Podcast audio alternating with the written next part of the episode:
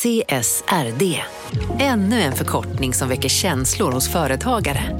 Men lugn, våra rådgivare här på PWC har koll på det som din verksamhet berörs av. Från hållbarhetslösningar och nya regelverk till affärsutveckling och ansvarsfulla AI-strategier.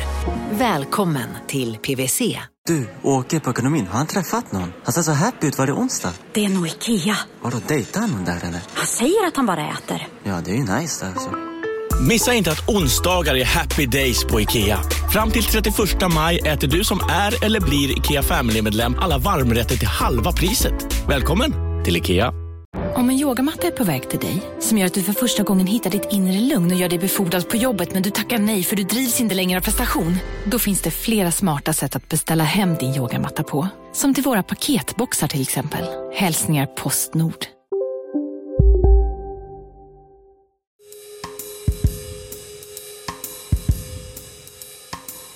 Från Monopol Media, det här är Kapitalet med mig Åsa Secker. Och med mig Jakob Bursell.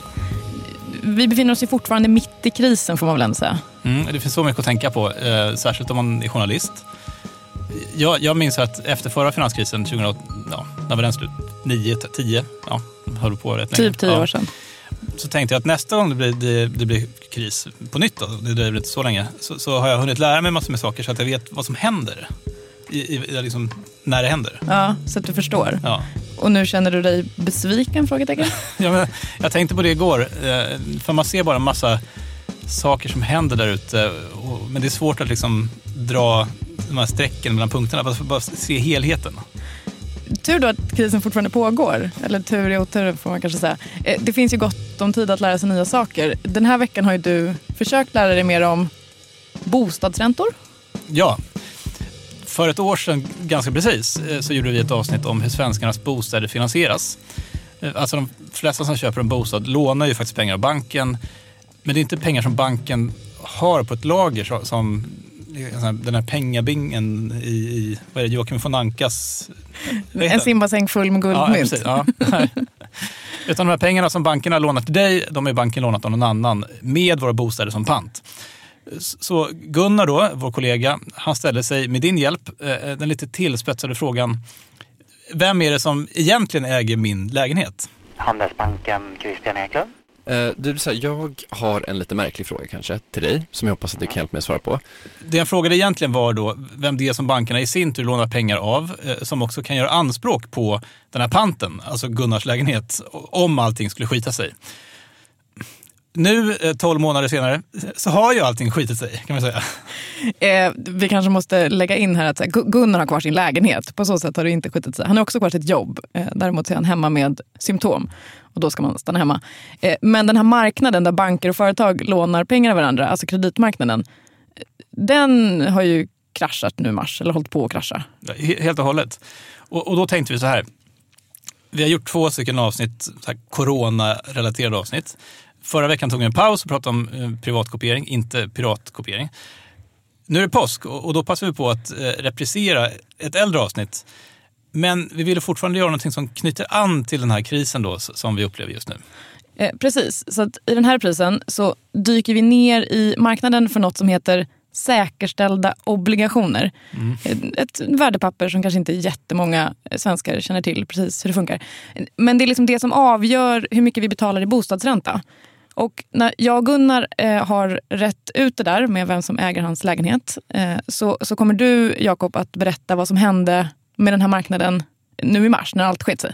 Ja, och jag ska också berätta om en otroligt eh, dålig affär som jag tror att jag eh, gjorde för några dagar sedan eh, med mitt eget bostadslån. Då. Jättebra cliffhanger. Det känns också underbart att du bjuder på det. Eh, först ska vi spola tillbaka bandet ett år då ungefär när Gunnar ringde till Handelsbanken för att försöka förstå vem som äger hans lägenhet. Okej, så här. Jag har försökt ta reda på en grej. Okej, vad för grej? En grej som jag tror och hoppas att Handelsbanken Vanadisplan kan hjälpa mig med. Handelsbanken Christian Eklund. Eh, Du, så här, jag har en lite märklig fråga kanske till dig som jag hoppas att du kan hjälpa mig att svara på. Är det något speciellt med Handelsbanken på Vanadisplan eller? Det är mitt bankkontor. Men du bor inte där? Nej, jag bor inte där. Men, men det är fortfarande mitt bankkontor och jag tror att de kan hjälpa mig. Eh, Det är en fråga kring ett lån jag har hos Handelsbanken som jag tecknat hos er. Ehm, eh, jag vet inte om du kan få fram det lånet på något sätt? Alltså jag, jag, får inte, jag får inte säga så mycket på telefon tyvärr. Eh, vi, vi har ju så det är en eh, jättestrikt banksekretess. Hur går det, hur går det här tycker du? Det går väl inte riktigt som jag hade hoppats på, det ska jag väl vara ärlig och säga, men eh, jag är inte den som ger mig. Handelsbanken. Hejsan Christian, det här var Gunnar Harjus igen för en sekund. Du, bara kort fråga. Ehm, Ja. Jag vill veta vilken obligation mitt bolån ligger i. Oj, det var specifikt. Okej, du vill hitta vilken obligation ditt bolån ligger i. Alltså det är en superkonstig fråga. Varför vill du ens veta det? Är det verkligen en superkonstig fråga när du tänker på det? Är det inte typ den mest basic frågan man kan ställa till någon någonsin? Svar nej.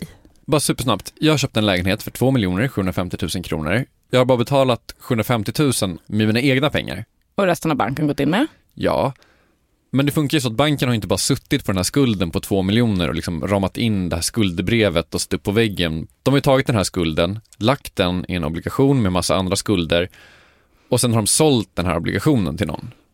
Och nu vill du ta reda på vem den här någon är, eller? Ja, och det är väl en fullständigt normal fråga. Vem äger min lägenhet? Jag vet allt, allt, allt, allt om kvadratmeterpris i hela Stockholms söderförorter. Jag vet allt om hur man skräckbudar, homestylar, om vilka mäklare som tar bäst bilder. Jag kan allt om Stockholms bostadsmarknad, men jag vet inte vem som äger min lägenhet. Det är ju uppenbarligen inte jag, för jag har ju bara betalat 27% av den här lägenheten. Det är ju då förmodligen inte banken, de har ju sålt min skuld till någon annan. Så vem äger den? Okej, jag kommer testa dina kunskaper kring Stockholms bostadsmarknad sen. Men jag är med dig. Eh, vem äger den då? Det är sjukt svårt att svara på. Men när kapitalet fortsätter så kommer vi göra ett försök och vi kommer komma med något slags svar i alla fall.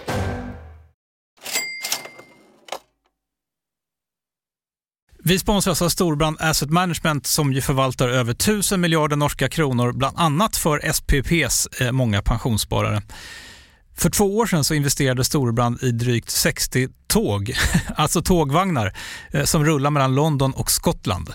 De leasar sedan de här tågvagnarna till tågoperatören som alltså kör tågen och säljer biljetter och sånt eh, med ett avtal på 27 år. Så britterna får nya fina tåg och storbrandskunder, eh, däribland alltså SPPs pensionssparare, får en inflationsskyddad avkastning med låga risker under lång tid. Det här är ett av supermånga exempel på hur pensionskapitalet i växande omfattning bidrar till att bygga samhället och inte minst till att klara klimatmålen. Det behövs elproduktion, elnät, batteriparker, nya transportlösningar och allt möjligt. Bara i Europa antas investeringsbehovet för att klara klimatmålen uppgå till tusentals miljarder dollar. Och det här är ju pengar som ganska ofta saknas i statsbudgetarna. Däremot är det här pengar som pensionsbolagen kan vara med eh, och stoppa in, vilket ger pensionsspararna en fin avkastning under lång tid samtidigt som man är med och ställer om samhället. Vi har gjort ett helt avsnitt om det här eh, som man kan lyssna på. Det publiceras här i Kapitalet i mitten av maj. Ratta gärna in det om ni vill lära er mer om hur det här funkar. Men tack säger vi till Storbrand Asset Management som ju investerar i alla tänkbara tillgångslag, bland annat för pensionsbolaget SPP. Och tillsammans försöker ju vi, Storbrand och SPP, öka medvetenheten om hur pensionerna funkar och vilken roll pensionerna spelar i samhället och i ekonomin.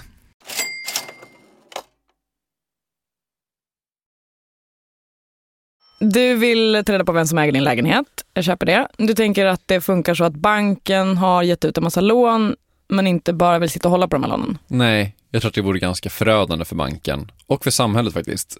Så det jag tänker har hänt är att Handelsbanken har tagit mitt lån och ditt lån och massa, massa, massa, massa andra lån, bakat ihop de här till en obligation, alltså en skuld. Kan vi ta snabbkurs på obligationer eller? Yes.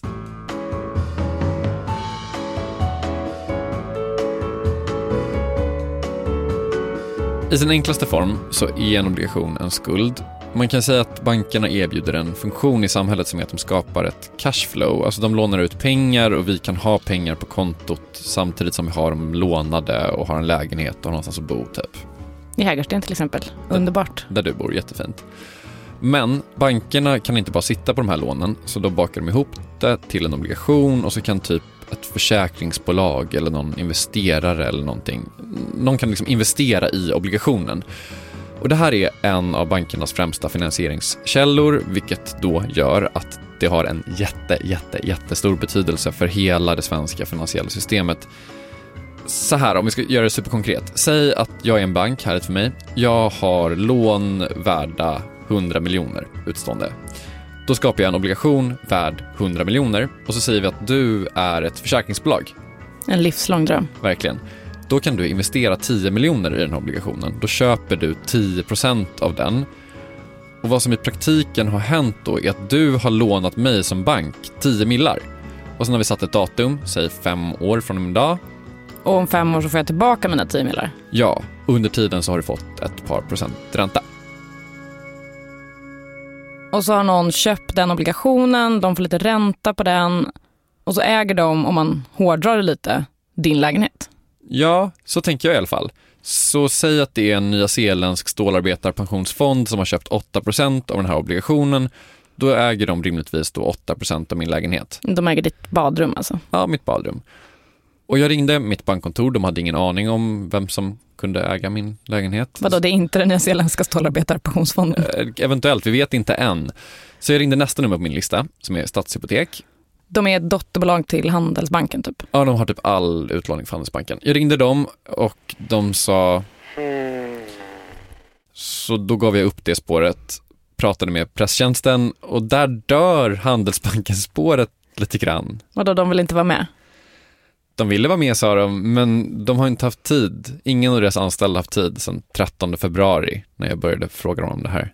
Men de har skickat ett svar. Vi kommer väl till det, tror jag. Det är coolt att vara busy. Ja. Men jag ser fram emot det här eh, svaret då. Mm, men innan vi kommer dit så ska vi ta ett steg tillbaka. Jag har ett lån. Eh, om det är så att det ligger i en obligation så ligger det i en speciell typ av obligation, en säkerställd obligation. Som är? En, en obligation är ett värdepapper som emitteras, som ges ut. Eh, där det också finns en säkerhetsmassa bakom. Det här är inte någon eh, på Handelsbanken? Det har man ju lång väg. Det gör man. Det här är Therese Mårtensson som är jurist på Bankföreningen och sen sköter jag också sekretariatet för det som heter Association of Swedish Cover Bond Issuers, ASCB. Covered Bonds, eh, säkerställda obligationer och eh, ASCB är en eh, intresseorganisation för de som ger ut sådana här obligationer. Mm, det är kul att liksom, Sveriges tio största banker och kreditinstitut måste ha en intresseorganisation, hur som helst. Therese Mårtensson kan super mycket om det här, för tror eller ej, det finns en del lagar och regler som omgärdar utgivningen av säkerställda obligationer. Det kan jag tänka mig. Ja. Men en säkerställd obligation, alltså en obligation med en säkerhetsmassa bakom. Jag gissar att de här säkerheterna är typ hus, lägenheter? Mm. Ja och nej. Kanske mest nej egentligen. Alltså i förlängningen så är det min lägenhet som är säkerheten. Men Man ska vara tydlig med här att det är inte din lägenhet som är säkerhet i de här obligationerna. Utan det som är säkerhet är ju ditt bolån som är en tillgång på bankens balansräkning. Så ingen äger din lägenhet?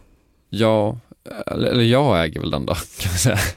Men om du inte kan betala ränta och amorteringar så kommer ju banken tvinga dig att sälja lägenheten.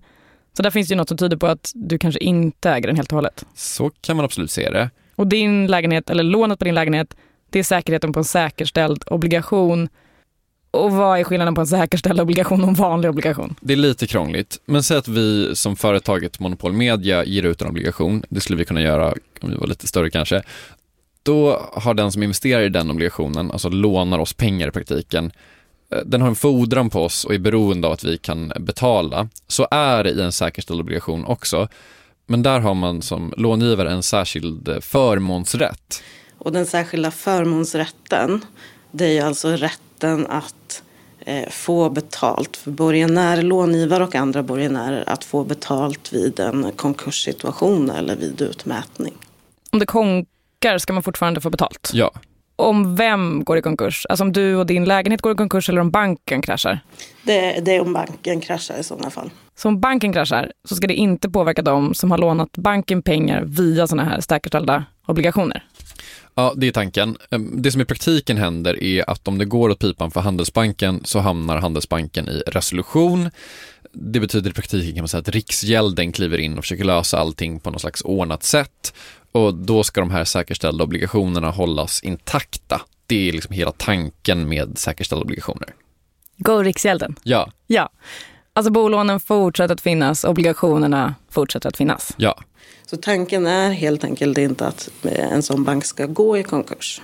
Men skulle banken trots allt gå i konkurs så har långivarna, alltså de som har köpt de här, eller liksom investerat i obligationerna, en förtursrätt som gör att de har rätt att få betalt innan några andra långivare kan få betalt. Så Handelsbanken faller. De som har köpt obligationer får förtur på att få sina betalningar innan någon annan. Typ städbolaget som Handelsbanken är skyldig en miljon. Ja, och det finns ett jätteomfattande regelverk kring det här. Det är lite snårigt det här. Det är ganska snårigt. Men det är obligationer för bostadslån som har speciella regler om allt skulle gå åt helvete. Det är väl den förenklade versionen. Och det finns jätte, jätte, jättemycket pengar i det här. Hur mycket? Vid slutet av 2018 så var det ungefär 2200 miljarder svenska kronor som var utestående i säkerställda obligationer. Okej, paus. 2200 miljarder. Svenska kronor. Vad är en statsbudget typ? En statsbudget är 1000 miljarder. Så två statsbudgetar, drygt. Eller lika mycket pengar som Danske Bank misstänks ha tvättat.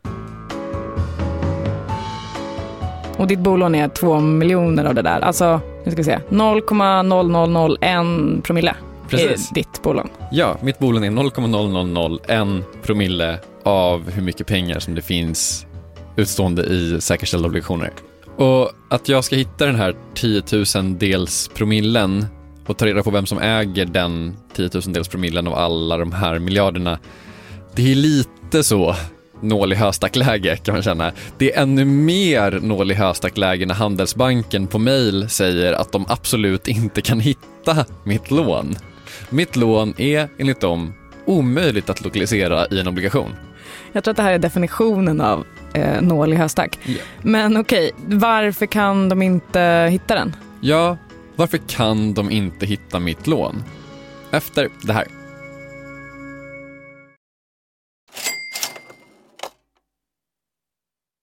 Kapitalet sponsras av Master Exchange, plattformen där du som privatperson kan investera i låtar och får pengar varje gång de här låtarna spelas. Eh, vi berättade ju senast eh, om barnlåten Puff the Magic Dragon som noterades av Master Exchange under våren. Nu har utdelningen på den låten kommit, eller royaltyn som vi säger i musikbranschen. Eh, den ligger på drygt 12% i årstakt och det här är ju en avkastning som är helt okorrelerad till börsen. Till och med Goldman Sachs har börjat skriva om just musik som investering just ur det här perspektivet.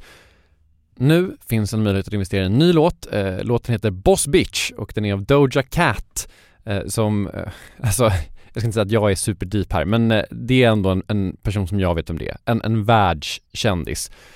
Den här låten gav baserad på förra årets spelningar en avkastning på drygt 13% Master Exchange har just nu en väntelista på registreringar. Det, det går lite för bra för dem kan man säga. Men skriver ni in kapitalet som promo code så kan ni runda kön och ansöka om andelar i låten Boss Bitch ändå. Om ni investerar helt vanliga pengar, det är inget krypto eller sånt där. Så vill du investera i musik och få en avkastning som är helt okorrelerad med börsen och kanske inte minst för att det är kul att äga låtar eh, så kan man gå in på masterexchange.com och använda kapitalet som promo code så går man alltså förbi kön.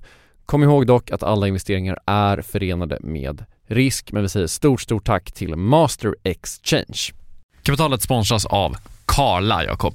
Ja, bilar igen. Ja, det är härligt. På Karla kan man sälja sin elbil eh, på det gissningsvis smidigaste sättet i Sverige. Eh, Karla har ju ett nästan ett komiskt högt användarbetyg på Trustpilot. Mm. 4,8 av 5, vilket jag typ aldrig hört talas om. Nej, det är väldigt, väldigt högt.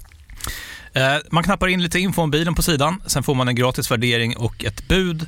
Accepterar du budet kommer Karla och hämtar upp bilen gratis och sätter in pengarna innan de kör iväg. Inget mer än så. Rätt fantastiskt. Nej, det är faktiskt Ja. helt otroligt. Och eh, det kan bli ännu mer eh, otroligt än så. För att vi har nämligen en rabattkod som ger dig 2000 kronor extra för bilen. Så om du säljer din bil så får du två lax extra. Stämmer. Bara sådär. Koden är Monopol. Och och eh, den uppger du när du har värderat bilen och eh, pratat med Karlas inköpare. Koden är giltig till sista maj så att passa på om du går i säljartankar. Jag undrar om vi haft en kod som har gett två lax bara sådär någon gång. Nej. Det är helt otroligt. Man behöver en bil förvisso. Absolut, så det är inte, kanske inte bara sådär, men det är ändå 2000 kronor extra. Väldigt bra. Ja. Så sälj din elbil eller laddhybrid till Karla. Du får 2000 kronor extra med rabattkoden Monopol. Eh, hoppa in och kolla på karla.se, Karla C. Där kan man också köpa bilar ska jag tillägga. Verkligen. Vi säger stort tack till Karla.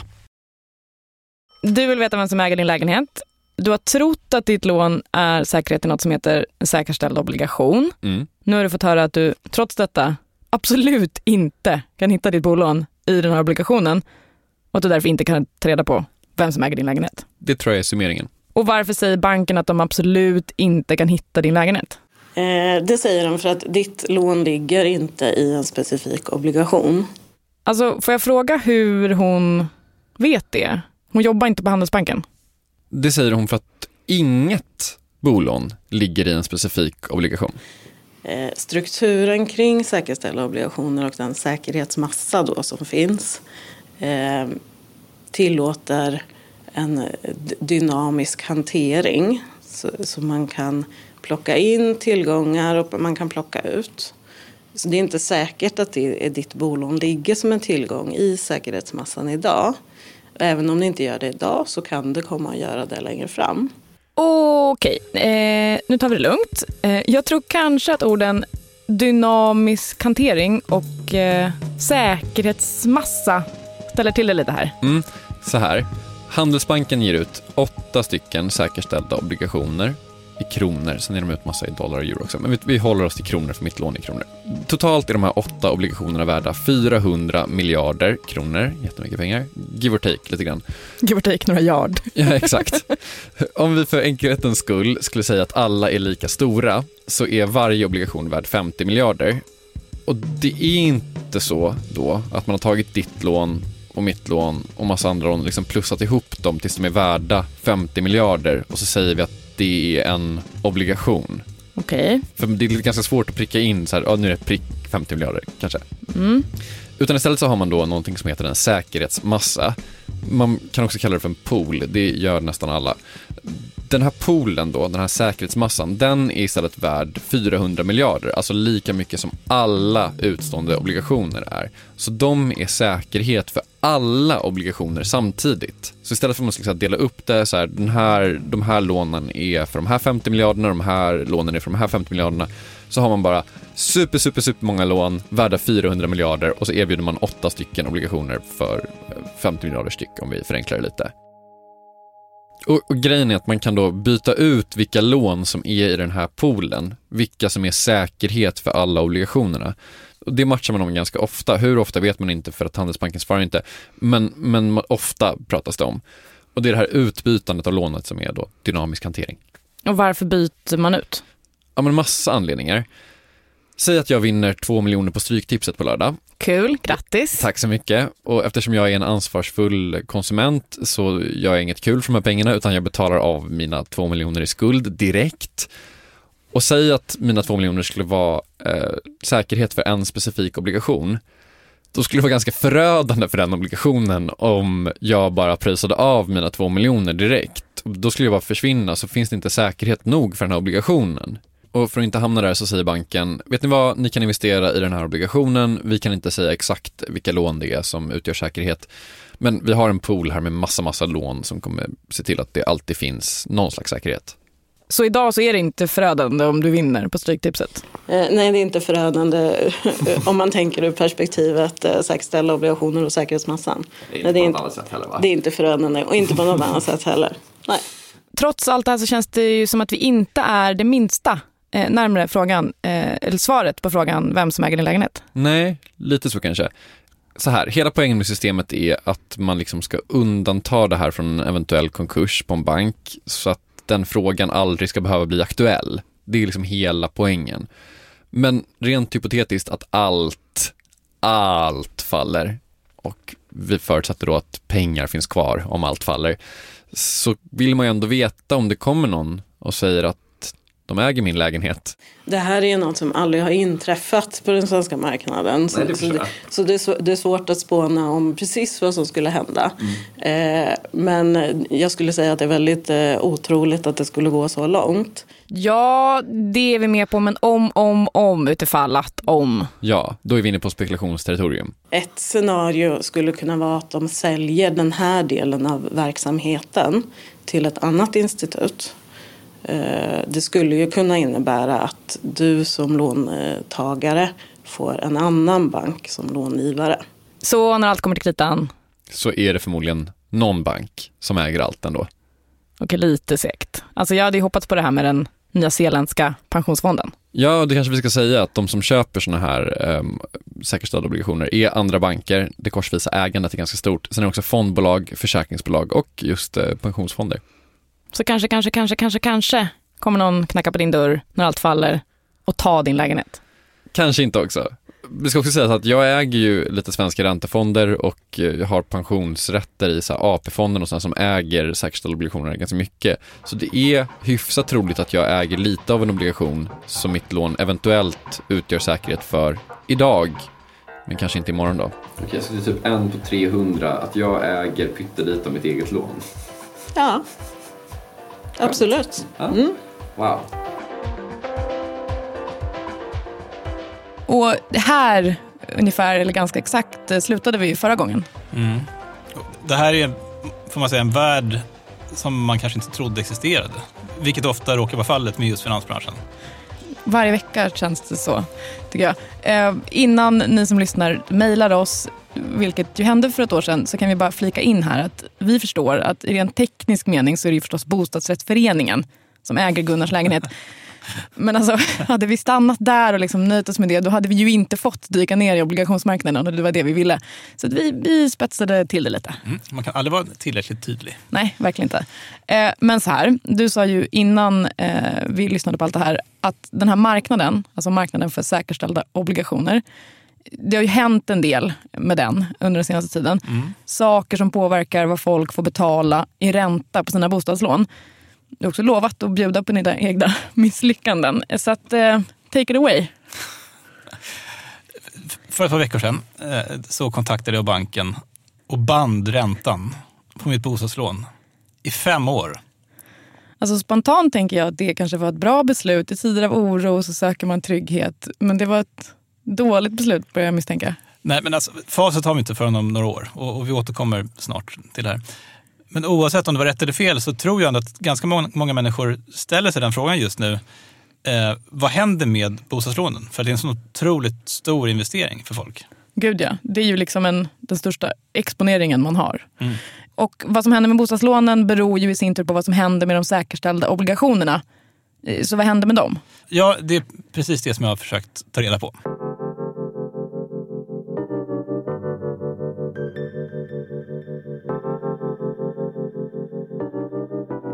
Svenskar har ju en egenhet att vi är väldigt förtjusta i att ha väldigt kort löptid i våra bostadslån. Eh, det här är Per Magnusson. Eh, han är räntestrateg på Swedbank, vilket alltså innebär att han har hållit på med obligationer typ i hela sin karriär. Eh, hur som helst, jag pratade med en amerikansk kompis häromdagen och han hade precis alltså, refinansierat sitt bostadslån på huset. Det låg på 15 år, vilket var det typ kortaste som han kunde få från sin bank. Så att jag tror att den genomsnittliga löptiden på svenska bolån ligger runt 5-6 månader. Eh, och det måste väl betyda att typ alla svenskar har rörlig ränta, eller i alla fall väldigt många. Och rörlig ränta i Sverige är ju tre månaders bindningstid. Ja, och för banken så är det här inte helt eh, oproblematiskt. När banken ger ut en sån här säkerställd obligation, eh, alltså lånar pengar med Gunnars lägenhet som säkerhet, då gör man det typiskt sett på fem år och inte på tre månader. Det där glappet gillar man inte för att då har man ju en ränterisk där femårsräntor och tremånadersräntor kan röra sig på olika sätt. Det värsta som kan hända för banken måste ju vara att räntan som jag ger dem för mitt bostadslån är lägre än räntan som de måste betala för obligationen. För det blir ju en minusaffär för dem. Exakt, och det kan ju hända eftersom din ränta är rörlig, den ändrar på sig hela tiden. Medan deras ränta är fast.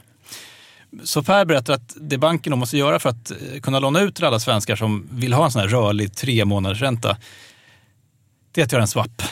Oj, du suckar. En swap. Jag vågar knappt fråga. Vad är en swap, Jakob? En swap. Eh, Jag har kollat på tre, kanske fyra YouTube-klipp eh, för att fatta hur det här funkar. Vi kan lyssna på ett här. So what you have so far is two companies. They've taken out separate loans, both for 5 million, with their own banks and at the wrong rate in both cases. So, how can a swaps bank Det här är då en britt som står med, med en penna på, och ritar på en whiteboardtavla. Det är klart han gör. Eh, Ja, väldigt eh, informativt. Sen satt jag och funderade typ tre timmar på hur jag skulle uttrycka mig här i podden för att någon människa ska förstå. Eh, Och, och till slut då, runt tio igår kväll så kom jag fram till att nej, det är helt omöjligt att i radio berätta hur en swap funkar. Åh nej. Men kan du, kan du inte bara säga det då, liksom, så, så att det är sagt? För det känns ju nästan lite så här snopet och inte ge dem lyssnarna någonting nu. Så säg orden bara och så, ja, så får vi se om någon fattar. Jag kan försöka med en analogi. Jag har ju då, som jag sa, bundit mitt bolån i fem år. Har du rörlig eller? Alltså jag har delat upp mitt lån så delar av den är, är rörligt. Vi, vi, säger nu att du har rörlig. Ja. Okej, ja. Tänk nu att jag ångrar mig plötsligt och hellre vill ha rö- rörlig ränta. Medan du hellre vill ha fast.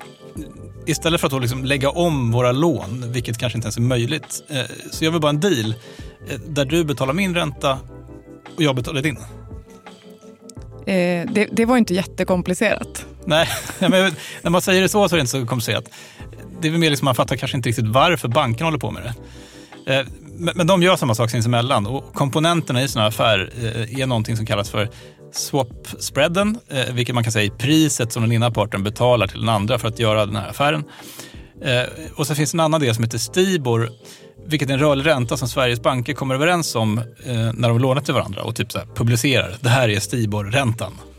Nu har vi lärt oss två nya fina ord här. Swap spread och Stibor. Ja, i alla fall, folk har i alla fall hört orden. Nu har vi hört orden. Strålande. Vi går vidare. Så eh, räntan eh, som du och jag betalar på de här bolånen, den bygger då på räntan på sådana här säkerställda obligationer. Eh, Nivån på den här swap-spreaden och på den här korta Stibor-räntan, det är liksom bankens kostnad. Sen har de förstås en marginal på det där. Eh, Okej, är det tre saker alltså? Räntan på säkerställda obligationer, nivån på swap-spreaden och eh, korta Stibor-räntan? Mm, exakt. Okej, toppen. Men under de senaste åren, berättar Per, så har centralbankerna tryckt en massa pengar och pumpat in i marknaden för att liksom, gjuta liv i ekonomin. Eh, Det här har då resulterat i att de här räntorna har gått ner. Så räntan på säkerställda obligationer har gått ner, de här swap-spreadarna har blivit mindre och Stibor-räntan har fallit. Så det har alltså blivit billigare och billigare och billigare för bankerna att låna pengar till våra bostäder. Så att man kan säga att det var nedpressat till ungefär så låga nivåer som, som man har sett historiskt.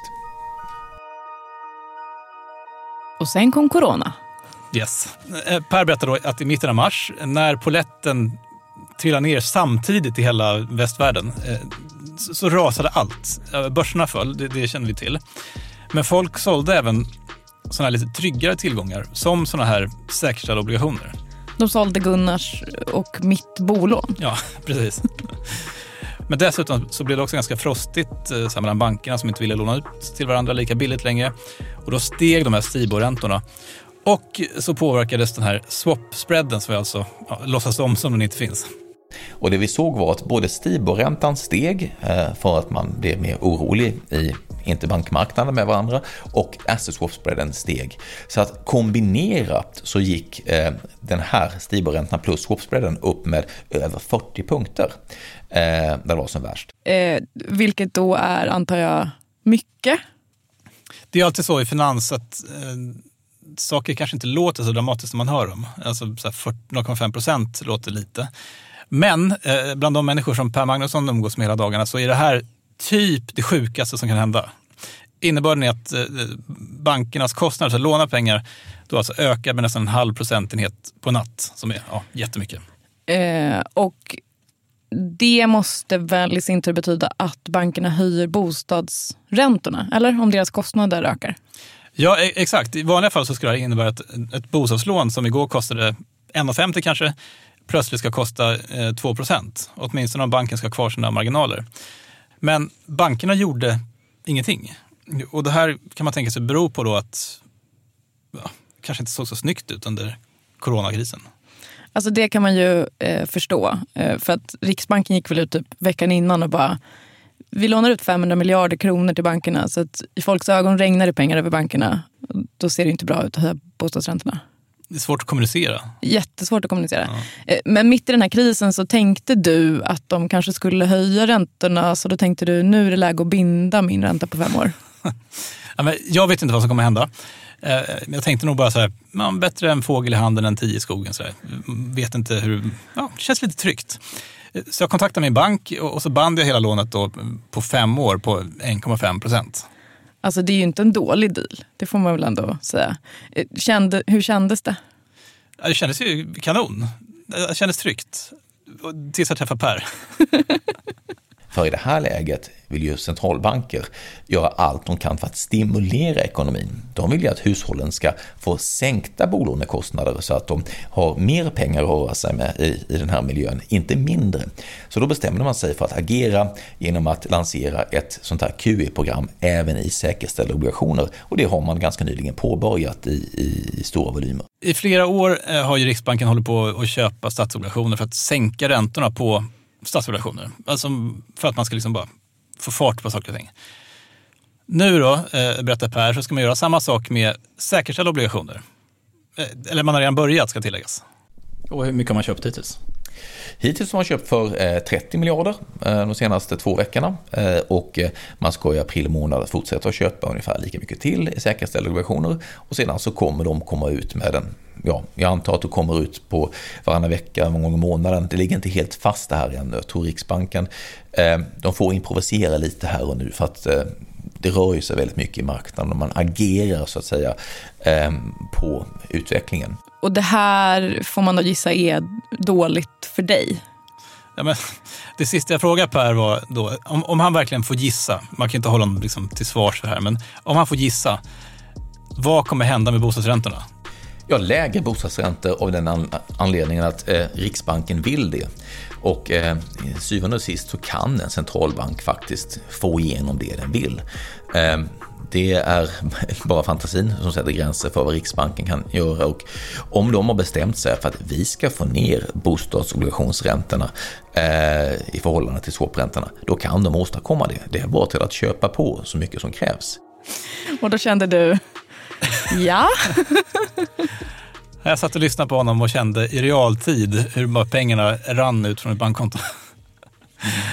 Ja, det finns ett amerikanskt uttryck eh, som är lite kul. Don't fight the Fed. Alltså försök inte göra tvärt vad centralbanken vill göra. Vad skulle det bli på svenska? Typ slåss inte med Ingves.